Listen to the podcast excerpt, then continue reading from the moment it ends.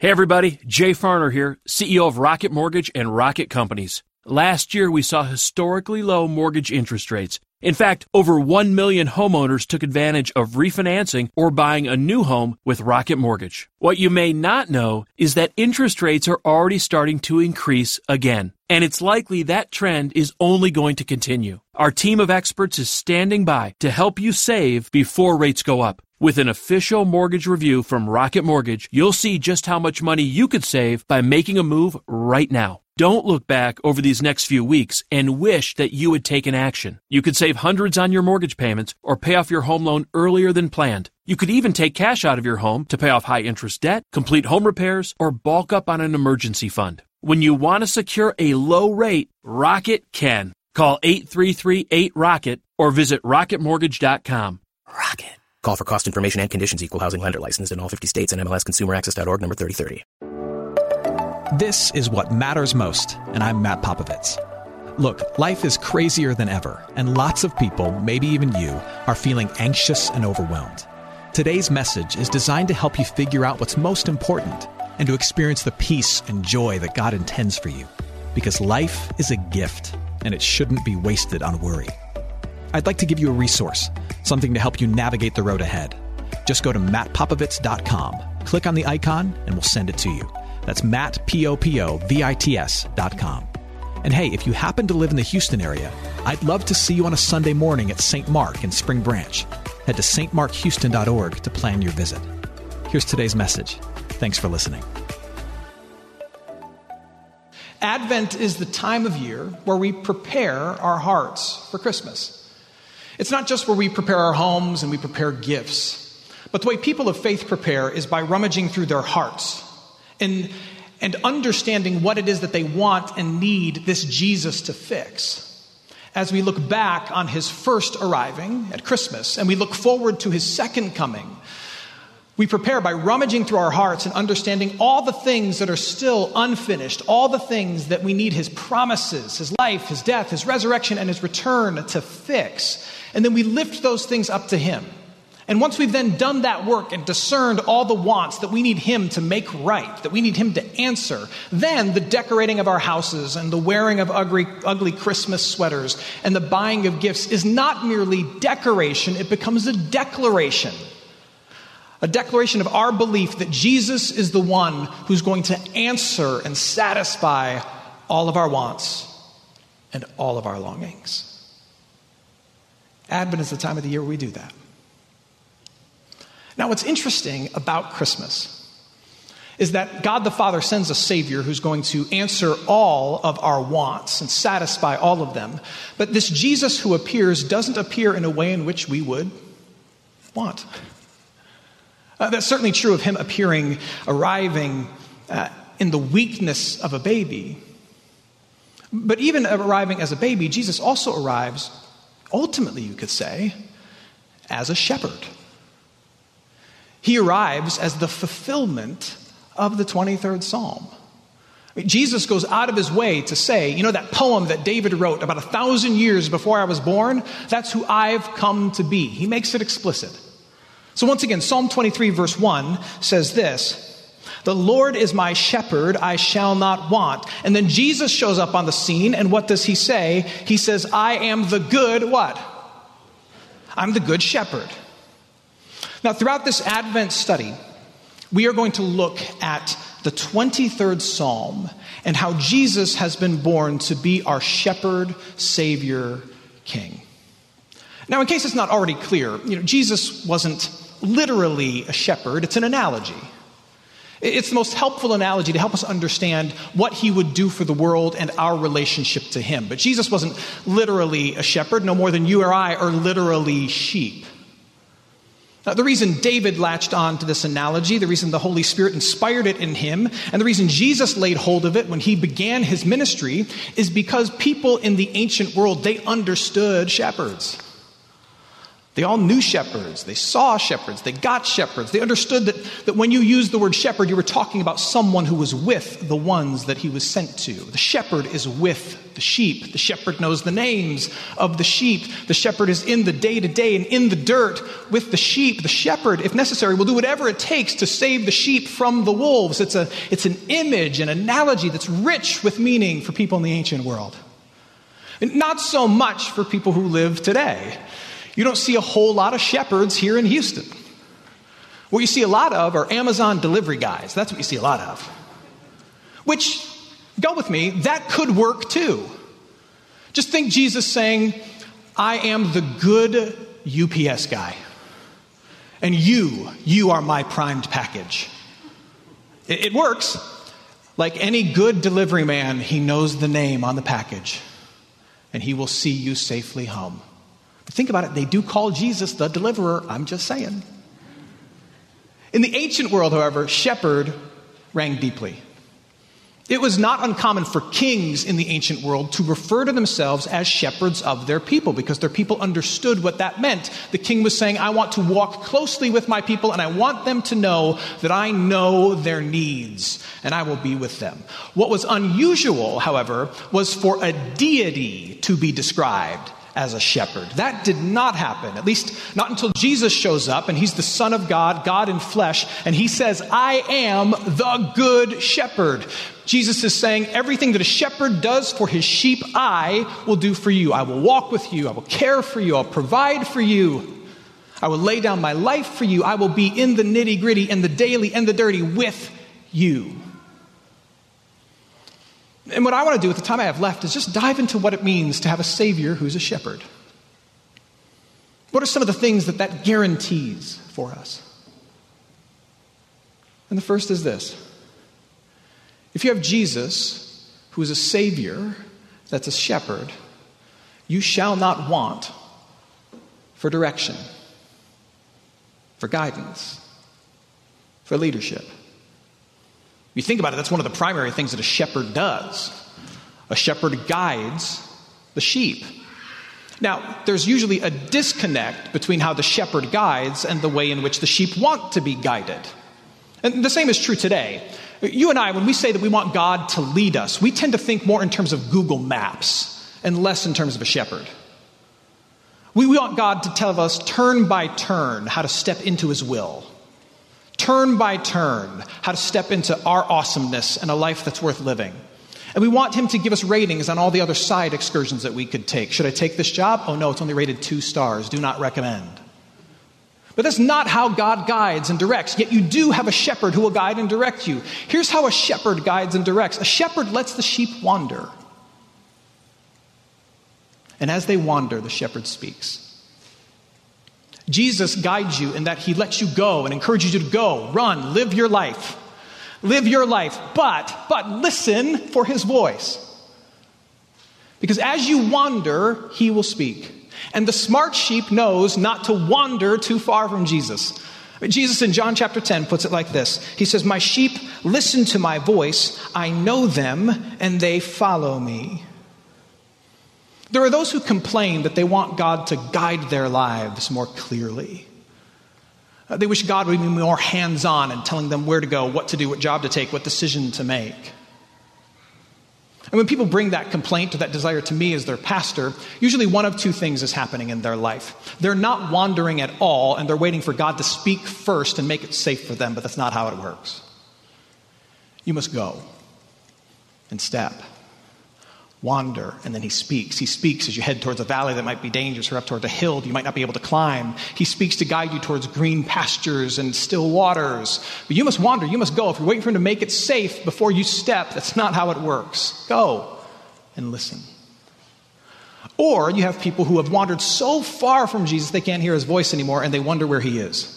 They haven't been here in a long time to hear from his word. They have no connection to his people, to be surrounded by his presence. Uh, they're not praying at all to listen for his voice, and then they wonder why they're not getting any direction. Oftentimes, when people say they want more direction, more guidance from God, it's because they're not stepping out at all and expecting God to make the first move, not how it works, or they wandered so far they can't hear his voice. But you do have a shepherd who wants to guide you and lead you. Listen for his voice. And be willing to wander out into the life he's called you into and trust that he will call your name. If you have a shepherd who is a savior, second thing that you can be sure of is that you will not want for nourishment. A shepherd makes sure that the deepest needs of the sheep are met. Now, again, there's often a disconnect between what the shepherd thinks and what the sheep thinks. Uh, the sheep and shepherd are often on a different page about what their needs are. Jesus, Jesus knows what you need. We think we need to get this job. We think our kids need to turn out just like this. We think we need to get healed of this particular pain. We think we need a particular resource to deal with this particular problem. We need, we need, we need, we need, we need, but Jesus knows better.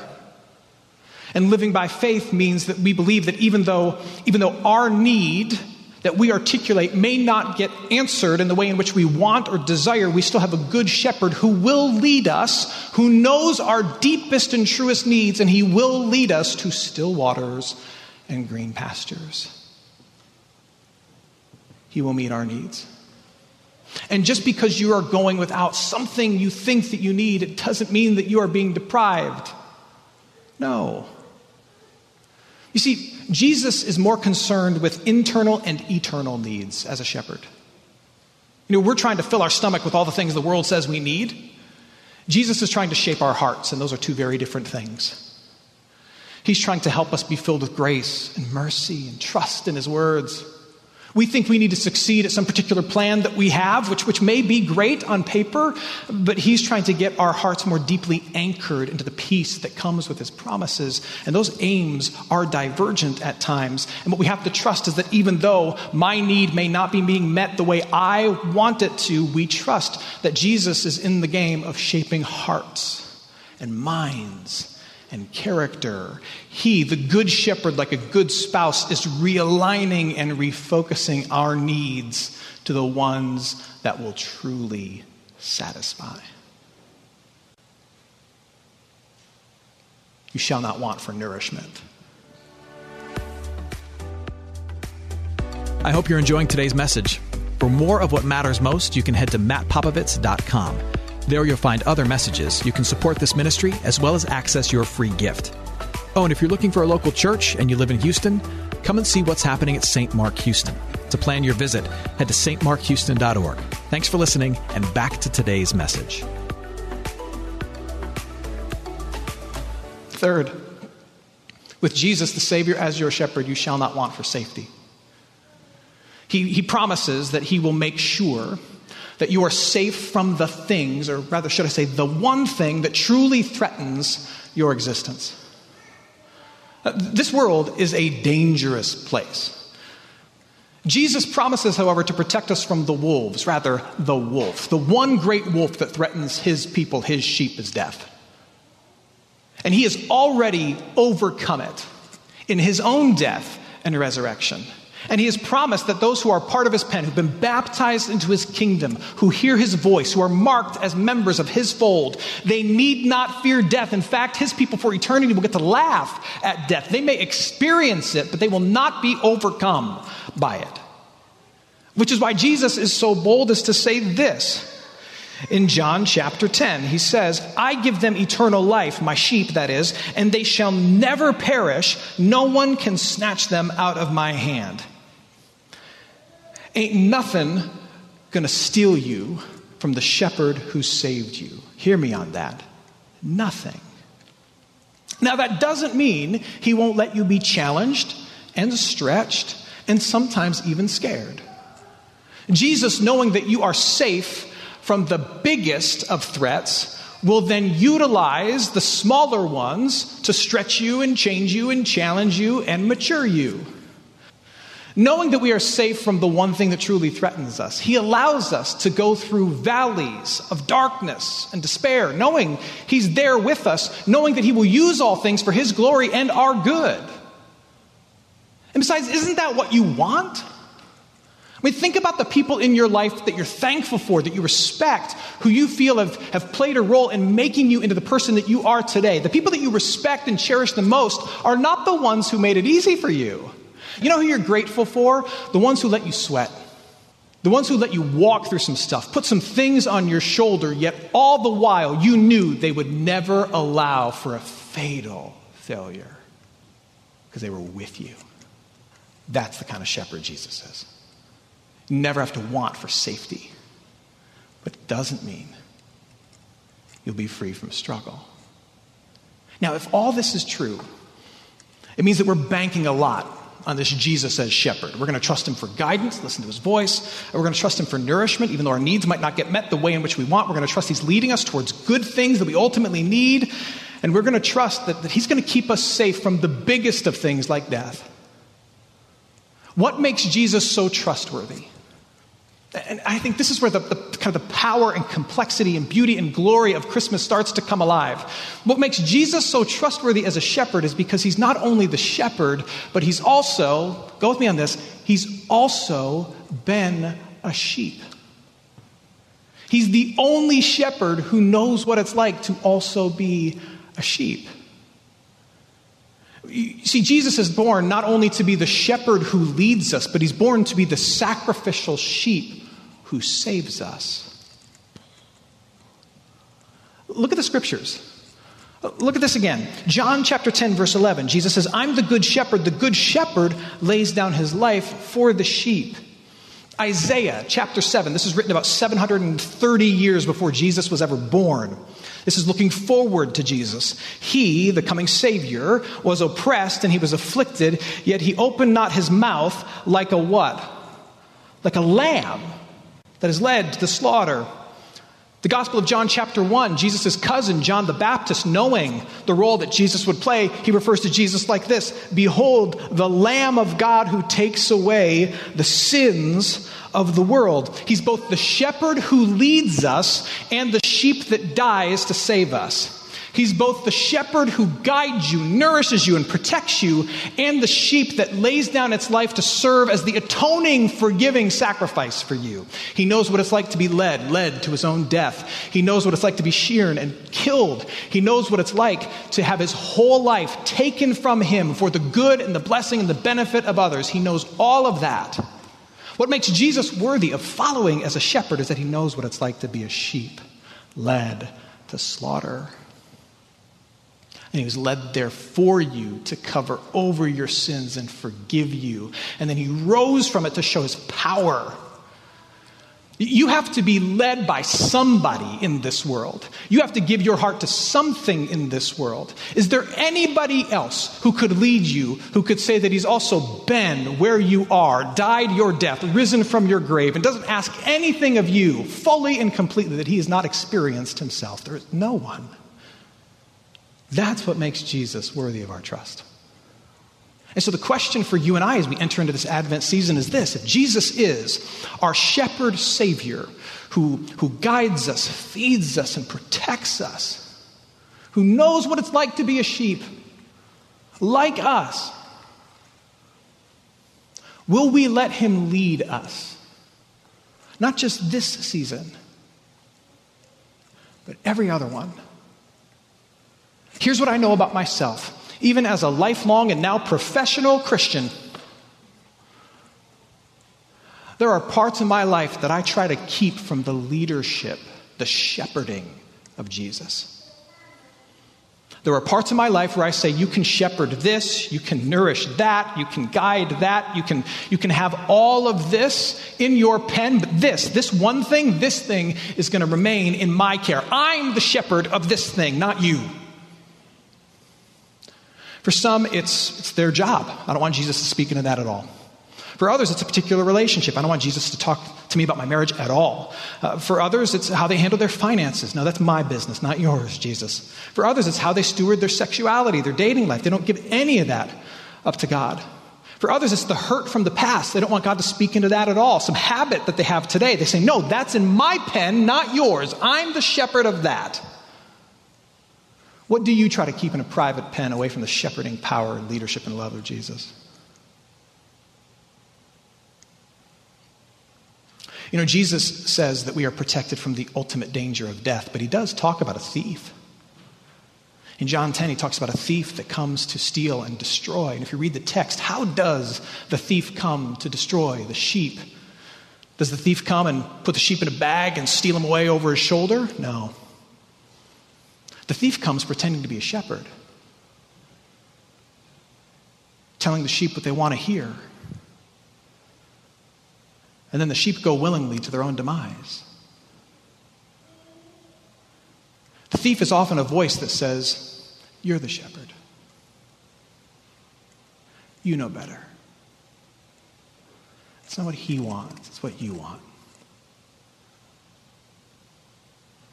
I was having a conversation with a, with a friend of mine, a pastor, um, who over the course of the last year has made some really terrible choices, kind of blown his whole life up, lost just about everything, including his ministry. And we were on the phone and I was praying with him. And after the prayer, we were just talking about how, how he got to this place. And he said to me, he said, Matt, I, I, I shut down every other voice in my life the voice of my friends, the voice of my wife, the voice of my fellow pastors, the voice of Jesus, and I, I left only one voice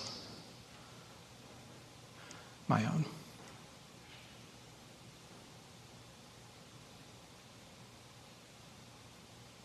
When you hear a voice that says, do what you want, indulge the urge, be the shepherd of your own pen. That is the voice of the thief. And you better run. Run towards the true shepherd. The true shepherd who says this I came may have, may, may have life and have it abundantly. Will you admit, will you confess that your whole life needs to be under the care and the leadership of Jesus? Your whole life. And this season, in so many ways, is about receiving gifts. But what if, as we start Advent, you began this season by giving a gift to your shepherd king? By giving a gift of Jesus to Jesus that says, even this, even this part of my life, I want you to speak into. Even this part of my life, I want you to guide me. I want you to direct me. I want you to nourish me. I want you to protect me from myself. Even this, Jesus. Would you consider that? There are so many ways in which we can describe who Jesus is and what he does for us. There are words like Lord, Savior, Redeemer, Deliverer, but there is one word that has endured since the very beginning, even through today. It's the word Jesus himself uses to describe himself. There's an image scrawled in the catacombs of early Christians in Rome. It's an image that dates about to 200 AD. It's one of the few images in the catacombs where, where hundreds of early ancient Christians are buried. And it's the image, it's hard to make out, but it's the image of, of Jesus, the Good Shepherd.